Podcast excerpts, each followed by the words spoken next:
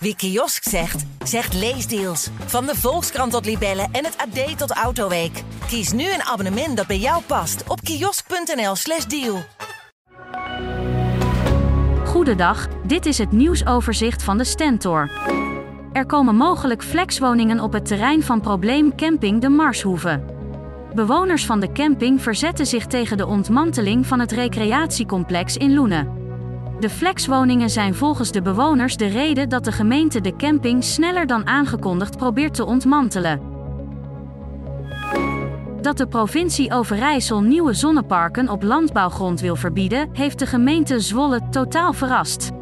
Wethouder Arjan Spaans zegt dat het verbod grote gevolgen kan hebben voor duurzaamheidsprojecten in de gemeente.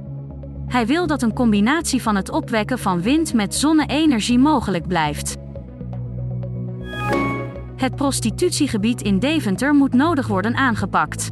Dat vindt de lokale D66-fractie.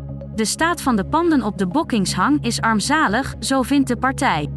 Volgens D66 is het een treurige binnenkomst van de stad.